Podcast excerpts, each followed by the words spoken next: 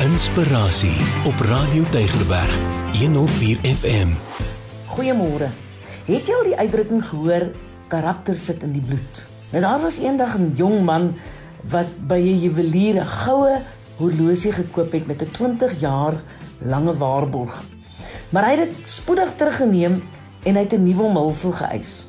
Want dit het gelyk asof dit geel koper was en dit het nie meer geglinster soos toe hy dit oorspronklik gekoop het nie. Die juwelier het na die omhulsel gekyk, dit gevryf en toe aan die jongman gevra of hy onlangs enige medikasie geneem het wat yster bevat, waarop die man toe nou bevestigend geantwoord het.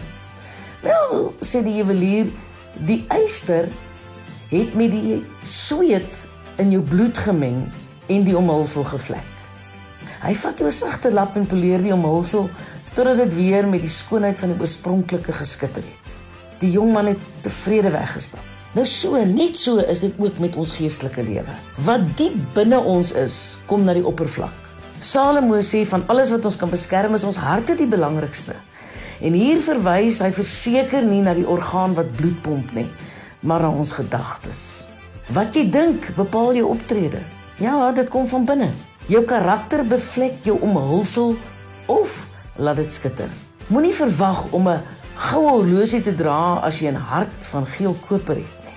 Alles in jou uiterlike lewe is slegs 'n skaduwee van dit wat binne is. Ja, jou karakter sit in jou bloed.